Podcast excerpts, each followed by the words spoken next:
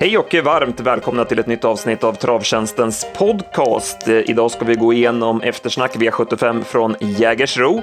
Vi har även eh, B86 eh, Åby och eh, Solvalla på onsdag där vi ska bjuda på ett par tidiga speldrag. Sen har vi ett högklassigt Bert Johanssons Memorial på V75 Umåker på lördag.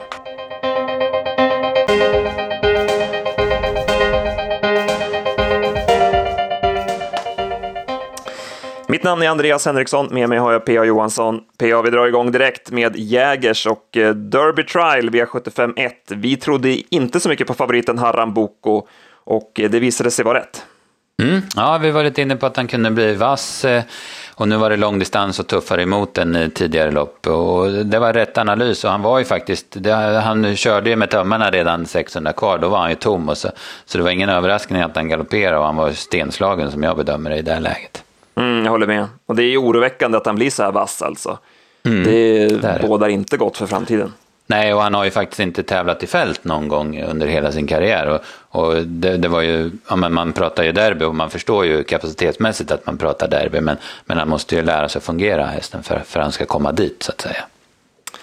Nu blev det skräll istället. Fritjof som följde med i rygg på ledaren och han var väl förberedd kan man lugnt säga. Han såg jättefin ut hela vägen och avgjorde säkert till slut. Ja, precis. Det är, det är en fin häst där. Jag fick upp ögonen för den i E3-kvalet i Örebro i augusti. Han gjorde ett bra lopp i skymundan då, sen har jag jagat den lite grann. Men jag trodde faktiskt inte på den den här gången, från, med årsdebut och debut på 2,6 tror jag det var också. Va? Så att det var, nej, eh, vi fick inte med den tyvärr, trots att vi garderade Haram Boko. The Bucket List F gör ju ett jättebra lopp. Han går ju utvändigt och äh, det är en tapper häst. Minns ju i kriteriet vilket tungt lopp han fick då. Och, äh, men han är riktigt bra. Mm, verkligen. Och, eh, det var, även om det var döden så, så var det ganska smart kört ändå, tycker jag. Han, på de första två varven brydde han sig inte om Haram Boko, utan han, Tobias, utan han körde sin häst. Sen kanske så här efterhand när det blir som det blir, att han har lite för bråttom att avgöra i sista sväng. Men, men det är bagatell, jag tyckte ändå att eh, det var bra kört av honom. Kalle Crown gjorde ju årsdebut. Vad tyckte du om honom som trea?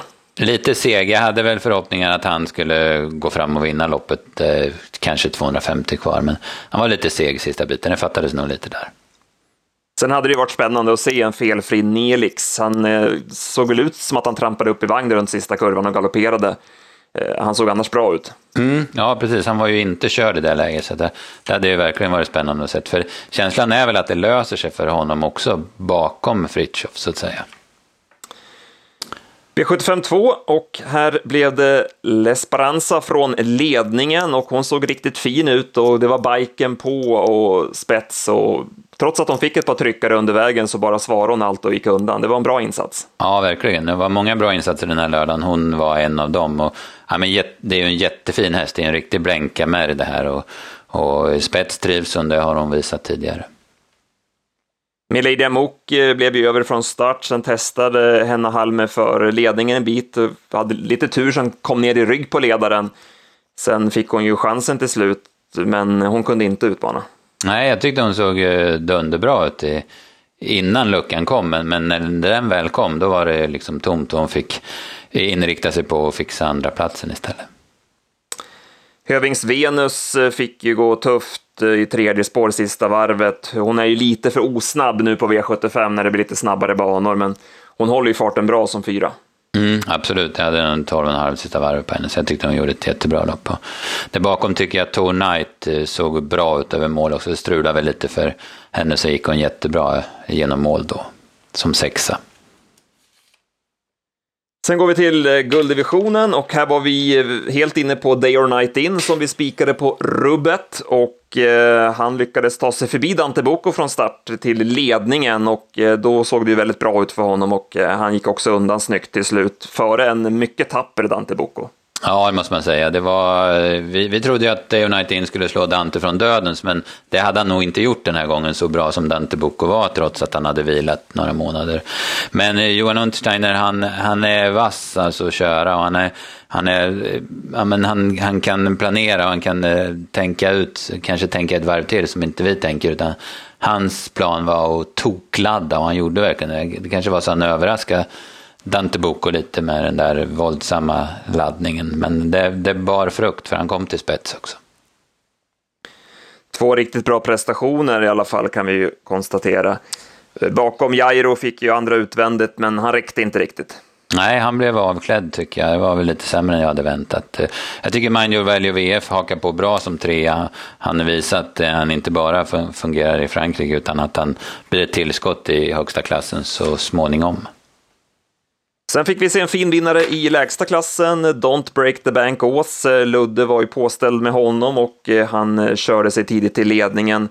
Vejo insåg att han inte kunde svara med Love No Limit och eh, ja, det är en fin häst det här som täcker mycket mark och ja, det märks att Ludde gillar hästen och det förstår man. Mm, ja, precis. Det, det finns nog väldigt mycket utveckling i den här hästen. Han fick ju fjolåret spolierat och han gjorde bara två starter tidigt på säsongen, sen var han borta ett helt år. Och så var han inte riktigt eh, mogen, eller han blev muskeltrött där på Åby första starten och, och, så behövde han de där två loppen. Men nu var han i, där så att säga och han kommer få en kanonsäsong som det ser ut. Comilton Milton är tvåa, han går 12 och 2, det är tufft att klaga på det, men han var inte riktigt lika fin den här gången. Nej, hängde lite töm och, och var väl, ja, det, det, var väl sin del, men förmodligen så slår han inte de på Ekvankås oavsett. Men som du säger, han var lite sämre den här gången. Var det något övrigt från det här loppet du tog med dig? Ja, jag tycker Habergs Viking gör ett jättebra lopp. Han går ju mestadels i dödens i det där hårda tempot och såg faktiskt lite småaktuell ut i sista sväng. Men jag tyckte han höll bra som trea. De andra var väl lite, lite bakom. Va? Sen går vi till V75 5 och det blev Super Warhorse som ju har visat stigande form och nu fick han betalt. Kevin Oskarsson körde ett bra lopp, släppte till Aileron och sen avgjorde hästen till slut. Mm, ja, det var, han var förtjänt av den här segern tycker jag. Eh, såg ju smällfin ut på Halmstad i senaste starten inför det här då, så att eh, och det var väl mycket som talar för ryggledaren. Så det, var, det var inget jättekonstigt att han vann det loppet som, som han har sett ut. Då. Sobel Conway gör ju ett jättebra lopp. Han eh, går en rejäl långsida i tredje spår. Eh, med facit i hand så hade kanske Peter Untersteiner kunnat plocka upp honom runt sista kurvan och då inte släppt ut Super Warhorse och vunnit loppet. Men samtidigt har han ju full fart i det läget och ja, man förstår ju att han kör också. Ja, det är svårt att, att, få igång dem sen igen om man tar upp i sista sväng. Och sen är ju Aileron en svår häst att bedöma hur mycket han har kvar också. Så att eh, det var nog inte så konstigt att, men det, att, att han körde som han gjorde. Men som du säger, hade han tagit upp lite så, så vinner han förmodligen loppet. Vi pratade lite grann kring voltstart eh, i förra podden och här såg vi ett exempel på hur svårt det är med jänkarvagn i voltstart. Tekeru Griff var inte nära att gå iväg från fjärde spåret. Nej, precis eh, så är det. Ja, men speciellt spår 4 då. Men om du tänker, om du ser som Peter Rundstein, han kör konsekvent med vanlig vagn då det är voltstart. Det spelar ingen roll vad de har för spår, det är alltid vanlig vagn när det är voltstart. Så är det. Eh, vi går vidare till V75s eh, sjätte avdelning och här fick vi se en uppvisning av Rajers Face. Vi trodde mycket på honom Eh, och eh, han infriade verkligen våra förväntningar. Ludde körde ett offensivt lopp. Det var nära, han tog några galoppsteg där efter 100 meter, men ställde sig och sen körde han till och eh, då var Johnny Takter tvungen att släppa med Master Crow och sen stack han undan sista biten Rajers Face och det var en mycket imponerande årsdebut. Ja, verkligen. Han gjorde en bra prestation och som han såg ut över mål. Alltså det är full spänst och, och han såg ut som han hade krafter kvar och trots, eh, trots han vinner på 12 blankt. Och så att, ja, men det är ju en jättehäftig häst där som hoppas att han, att han blir lite lugnare så att han liksom presterar varje gång. Då, då, ja, men då kommer han gå långt. Mm. Vi nämnde ju det i analysen att eh, Ludde har ju Harpers som mål och att han står ju så bra inne så att han, kan ju, han har råd att vinna ett silverlopp till och ändå klara tilläggsgränsen där på 1,6. Då står han ju 20 meter i så fall. Så att, eh, det är mycket spännande häst att följa. Mm, verkligen. Master Crow gör ju ett jättebra lopp. Det var ju de här två vi trodde mest på och eh, han är tvungen att släppa där takter, men han håller ju stilen riktigt bra in i mål, Master Crow som tvåa. Absolut, han, han, gjorde, han gjorde väl det man kunde förvänta sig av honom. Och sen, sen gör Springover ett väldigt bra lopp också i sin årsdebut. Jag hade nio sista åtta på honom och med, med bra fart ända in i mål också. Då. Cocktail Fortuna provades ju jänkarvagn och gick ju en bra långsida, men det var chanslöst från det läget mot så här bra hästar. Ja, så är det. Han, eh, han hade behövt gjort en, en, eh, omöjlig prestation för att vinna från Sportia här. Eh, favoriten Olle Rolls, han får gå stora delar av loppet i döden så han, han är på intet vis dålig som, som femma men, men det var en väldigt tuff, tuff uppgift där och det var tufft av spelarna att göra honom till favorit. Sen avslutade vi med Bandit Brick Eh, som vi trodde mycket på och loppet blev kört precis som vi tänkte oss också att Waffle skulle ta ledningen och släppa till jul och eh, sen går han undan på bra vis sista biten. Ja, eh, det, var, det är en klassisk typ där och, och, och det, ja, man, man kunde ju tycka då att han hade mött ganska billiga gäng i Danmark och att man mer hade siktat på att vinna många lopp än att, än att utveckla hästen mot tuff konkurrens. Men jag tyckte, eller vi var överens om det, att det såg så bra ut i årsdebuten i Billund och där han även visade att han kunde öppna och sen Sen så såg det snacket från Stenhjul att han, eh, att han, ja, han var ju jätteinne på sin häst. Det, det måste man ta på allvar för Sten Hjul vet verkligen vad som krävs för att vinna V75 i Sverige. Vad tog du med dig annars från det här loppet? Ja, sen, var, jag såg, jag tittade på tv-sändningen och såg när de var ute och gick med Bandit Brick på stallbacken och då frapperades jag av vilken otroligt snygg häst det är. Det, är alltså, det, det tog jag väl med mig mest kanske, men sen Örnen Börn spurtar bra igen, han har verkligen höjt sig hos Björn Goop. Om vi summerar då, vi var som sagt nära där och snuddade på sjuan, men fick nöja oss med sex rätt. Vi gjorde väl en 16 000 netto ungefär på V75-materialet. Eh, att spela nästa gång, vad hade du där? Ja, jag tyckte det fanns ganska många. Eh, så, Tonight har jag nämnt, Friend of Nature var en, Spring Over då, men den, var, den gjorde en så bra prestation så den är så lätt att se. Men, men jag säger väl Tonight och har den framspå eller spetsläge då tror jag den vinner ett vanligt storlopp i nästa start. Bra, då blickar vi framåt eh, veckan som kommer. Vi har ju V86. Vi var ju även nära på V86 ska vi säga i onsdags. Vi sprack ju på målfoto och fick en 40 000 i netto ungefär, så att vi är där och nosar och nu hoppas vi kunna sätta åttan på onsdag. Mm, precis, det är, lite, det är väldigt spännande lopp tycker jag på Åby och Valla som du sa, som delar på omgången. Det finns många ja, men, drag som, som, man kan, eh, som man kan eh, tro mycket på, som man kan gå på, som det känns. Jag har, har hittat en vinnare i avdelning 5 som som ett eh, fyraåringslopp där eh, Etienne du Vivier startar.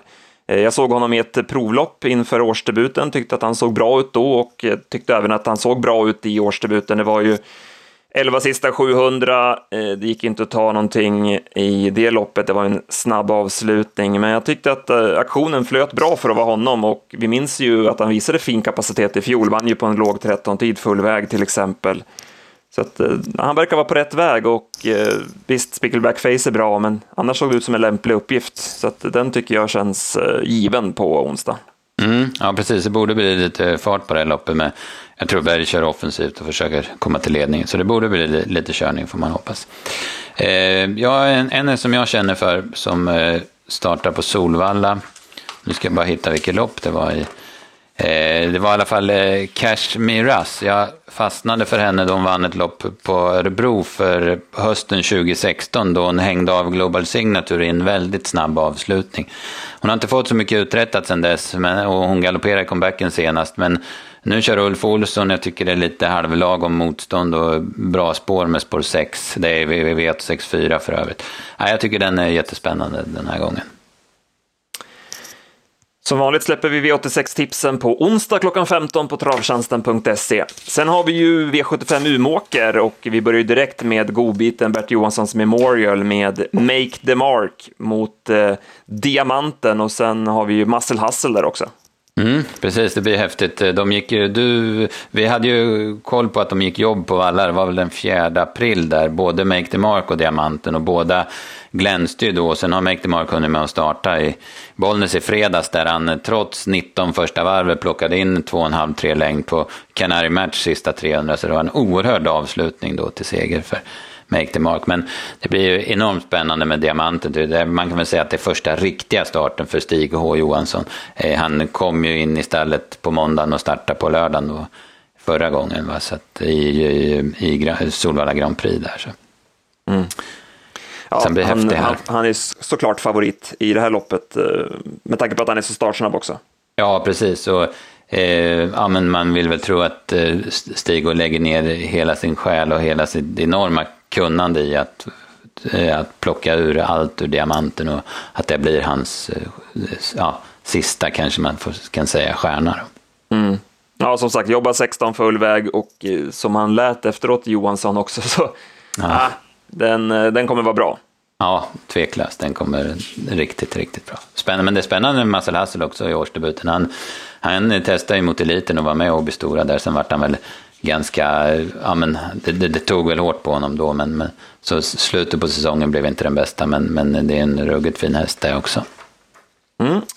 Spännande lördag att se fram emot. Eh, nu jobbar vi på i veckan här. Du kör Eskilstuna ikväll. Ja, ska till Sundbyholm och kolla lite värmningar och hjälpa till lite med slutspelet där. Så det blir det första stoppet den här veckan. Ja. Själv laddar jag för Solvalla imorgon. Riktigt fina hästar till start. Eh, Lionel ska ju ut till exempel och sen Perfect Spirit, eh, Hambletonian-vinnaren, startar utanför V64-spelet också. Så att, mm. ja, det blir perfekt att vara på Valla imorgon. Ja, precis. Så kommer den väl kanske till stånd då, matchen mellan Double Exposure och eh, Southwind Fedgy. Den vart ju inställd då när, på Färjestad när Double Exposure ströks efter, efter värmningen. Mycket att se fram emot som sagt. Eh, vi nöjer oss så för den här veckan så hörs vi på måndag igen. Japp, det gör vi. Jättebra.